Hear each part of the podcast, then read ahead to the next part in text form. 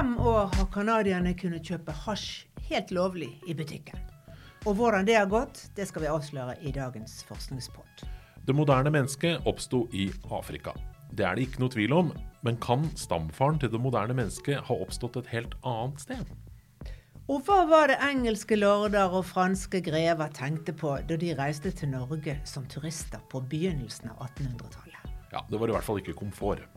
Du hører på Forskningspodden. Jeg heter Anne Sundevåg, og med meg som vanlig redaksjonssjef i forskning.no, Bjørnar Kjensli. Turistnæringen har lagt bak seg nok en god sesong, og kan notere seg for 3400 cruiseskipanløp til norske havner hittil i år. Og gud vet hvor mange hotelldøgn og Airbnb-overnattinger. Men sånn har det ikke alltid vært. Norge har ikke alltid vært et turistland. Nei da. Det er bare noen hundre år siden de aller første lystreisene, som man gjerne kalte dem, da, eller oppdagelsesreisene er kanskje egentlig mer presist, eh, fant veien til Norge fra Tyskland, England eller Frankrike. Og de første åra, på starten av 1800-tallet, så krevde det en god porsjon friskt mot å utforske norske fjorder eller fjell. For Norge var et eksotisk reisemål, skal vi tro professor emeritus i kulturhistorie Bjarne Rogan. Lorder og hertuginner fra det store utland ble fraktet rundt av norske bønder, av skyssbønder. Og de var ikke alltid i godt humør, forteller Rogan. De kunne være ganske så vrange, for de var pålagt denne ekstrajobben med å skysse fremmede finfolk fra sted til sted innenfor et gitt område eller amter. Det var nemlig bøndene som måtte dele på denne oppgaven med å stå til tjeneste for besøkende.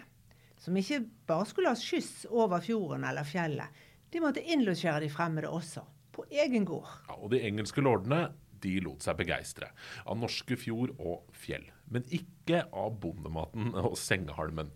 For enten du var engelsk lord eller fransk embetsmann, så måtte du ta til takke med en loppekasse fylt med halm, eller kanskje en hard trebenk i en røykfylt stue. Og bondekosten var ensformig. Det kunne vanke fjellørret, riktignok, hvis du var heldig, men ellers så gikk det i graut, salt mat, flatbrød og surmelk. Men så tok det ikke så mange år før turistene oppdaga et alternativ. For rundt om i Bygde-Norge der lå prestegårdene som små øyer i et hav av bondekultur. Og prestene de var gjerne mer enn begeistra over å få besøk av dannede mennesker. De bodde jo isolert ute på bygda, hvor det kunne gå måneder mellom hver gang de møtte fremmedfolk, og år mellom hver gang de hadde gjester. Men nå, midt på 1800-tallet, så forandra det seg. Det ble forfattet reisehåndbøker på engelsk og tysk som tipset eventyrlystne europeere om at i Norge var prestegårdene verdt å oppsøke. Unngå bondesenger og loppekasser, og søk presten, het det. Et råd var å banke på prestens dør og spørre om nøkkelen til kirka for å late som om det var kirkehuset de var interessert i. Og sånn ble kontakten etablert. De fremmede ble innkvartert på prestegården og fikk sove i mykere senger med dundyner, og når kvelden kom, så ble det servert god mat og noe godt i glasset.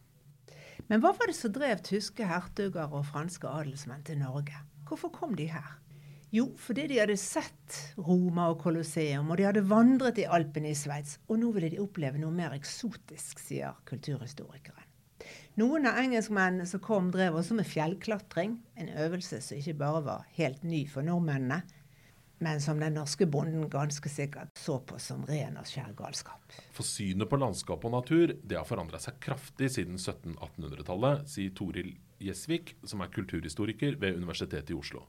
For hør bare hva Åsmund Olavsson Vinje skriver da han går i Rondane i 1860, om hvordan hans dragning mot høye fjell ble møtt av bygdefolket. Du sier at ronden er fager, du, sa ei kone på Stavsbuøy til Vinje. Nei, stygg er han, som den vonde sjøl.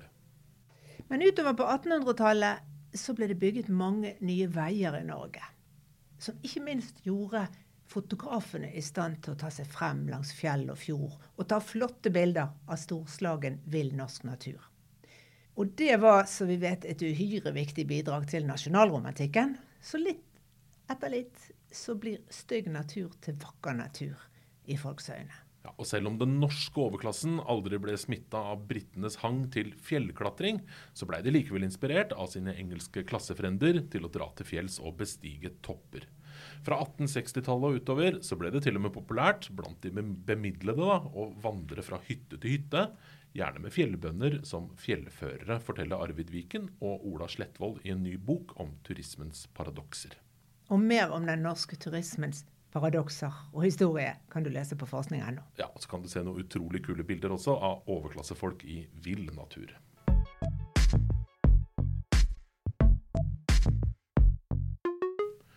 I Norge er det bare partiene Venstre og MDG som ønsker å legalisere salg av cannabis. Men canadierne har kunnet kjøpe marihuana og hasj lovlig i butikken siden 2018. Da politikerne i Canada vedtok å legalisere cannabis for fem år siden, så var det tre ting de ønsket å oppnå. For det første de ville holde ungdommen unna cannabis, og håpet at legaliseringen ville bidra til det. Det er litt uklart for meg hvordan de tenkte da, men la gå. Ja, det ble i hvert fall 18-årsgrense for å kjøpe cannabis. Så tenkte politikerne på helsa til brukerne.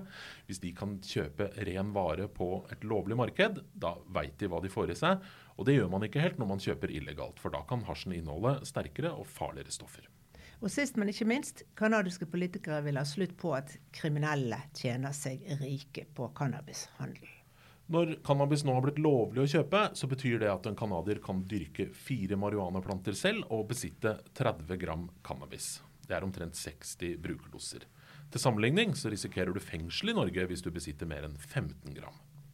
Og hvordan har det så gått? Har politikerne oppnådd det de ønsket med å legalisere cannabis? Det har canadiske forskere undersøkt i dag, fem år etter. Og svaret er ja og nei.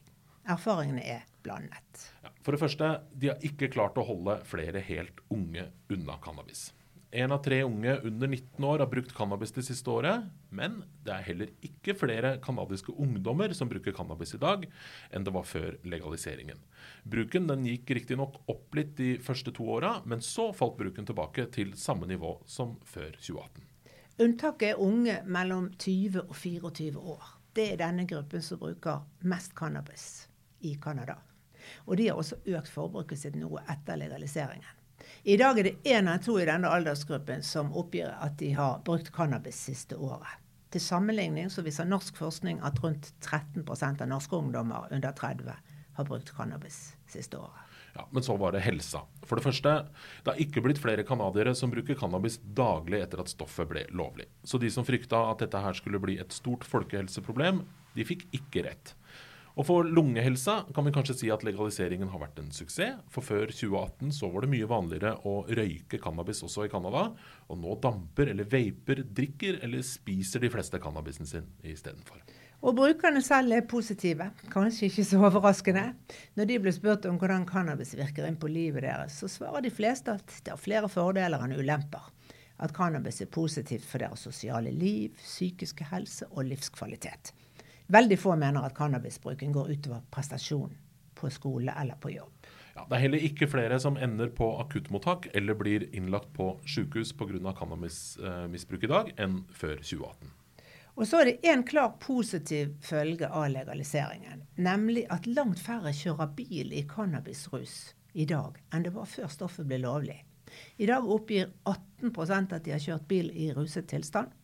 Ille nok det, men før 2018 var det 27 ja, og Grunnen til det, det er at når cannabis ble legalisert, så fulgte det også med mye informasjon om bruk og virkning. Så langt flere canadiere mener i dag at cannabis og bilkjøring ikke hører sammen enn det de gjorde for fem år siden. Og hva så med den store kriminelle økonomien knyttet til cannabis? Er den blitt mindre?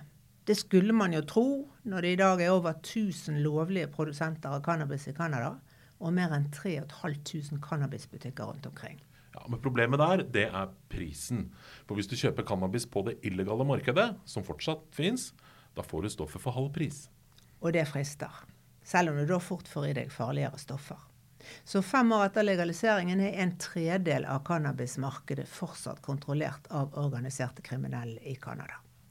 Og dette er en vanskelig balansegang for myndighetene, sier en professor ved Brock University i Ontario. Michael Armstrong heter han. Myndighetene vil at det lovlige markedet skal være attraktivt nok til at alle brukere forlater det illegale markedet.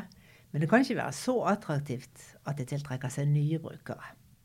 Det er litt av et dilemma, og nå går canadiske myndigheter gjennom lovgivningen på nytt for å se hva de kan gjøre med avgifter og merkinger og markedsføring av cannabis for å bekjempe den illegale omsetningen av stoffet.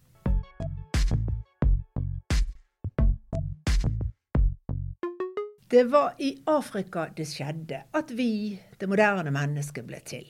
Kanskje på savannen i Øst-Afrika, kanskje et annet sted i Afrika. Eller kanskje flere steder i Afrika samtidig. Men uansett, det moderne menneskets vugge sto i Afrika. Ja, og Det er paleontologene enige om. Og vi oppsto som art for litt over 300 000 år siden. Og vi utvikla oss fra menneskeapen Homo erectus. Så langt, så bra. Men hvis vi går enda lenger tilbake, da må forskerne ty til hypoteser og gjetninger. Og nå har et nytt funn i Tyrkia satt fyr på debatten om hvem som var stamfar til menneskeapene. Spørsmålet er har vi utviklet oss fra en ape i Afrika, eller kan menneskeapenes stamfar like gjerne ha oppstått i Tyrkia eller på Balkan? Funnet vi snakker om, det er et apekranium som er oppdaga nord i Tyrkia. Og Det interessante med det funnet, det er alderen. Det er 8,7 millioner år gammelt. Og så gamle, tidlige apearter, det fins ikke i Afrika. Nei, i Afrika er det eldste funnet av tidlige homininer, som de kalles. Altså aper som senere utviklet seg til sjimpanser eller menneskeaper. Det er rundt 7 millioner år gammelt.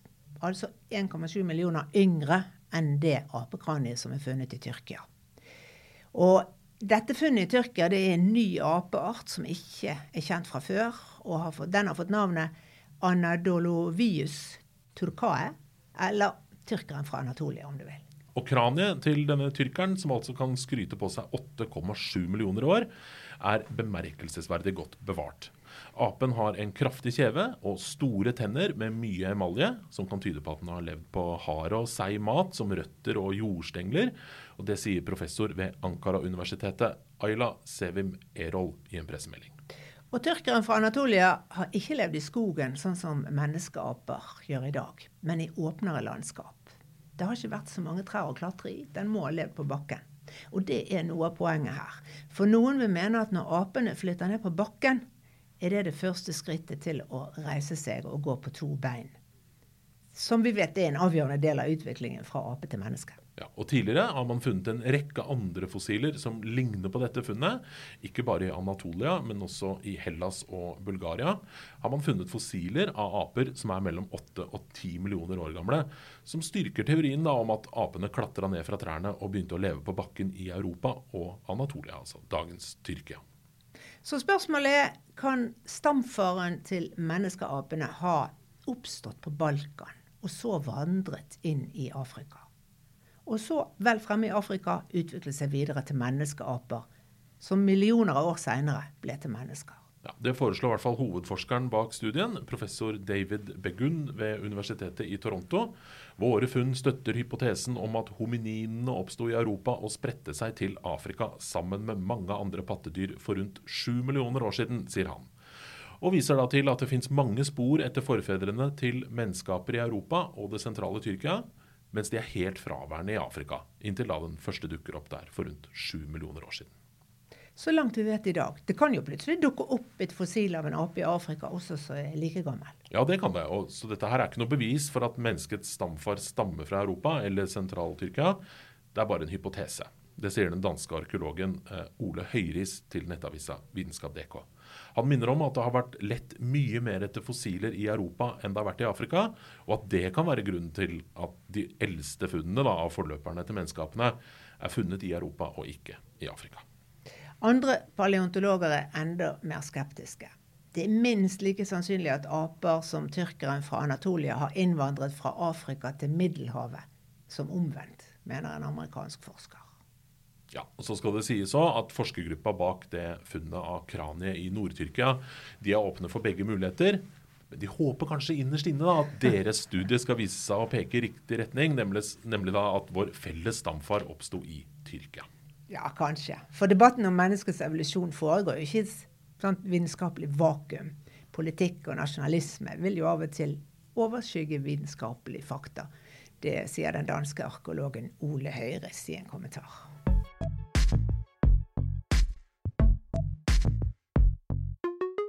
Vi kan oppsummere at 2023 var et godt multeår, Bjørnar.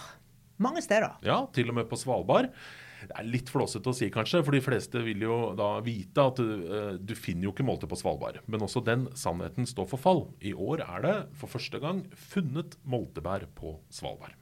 Mirakelet fant sted en søndag i september, da Stein Tore Pedersen, som bor i Longyearbyen på 17. året, var på reinsdyrjakt i Kolsdalen ved Isfjorden.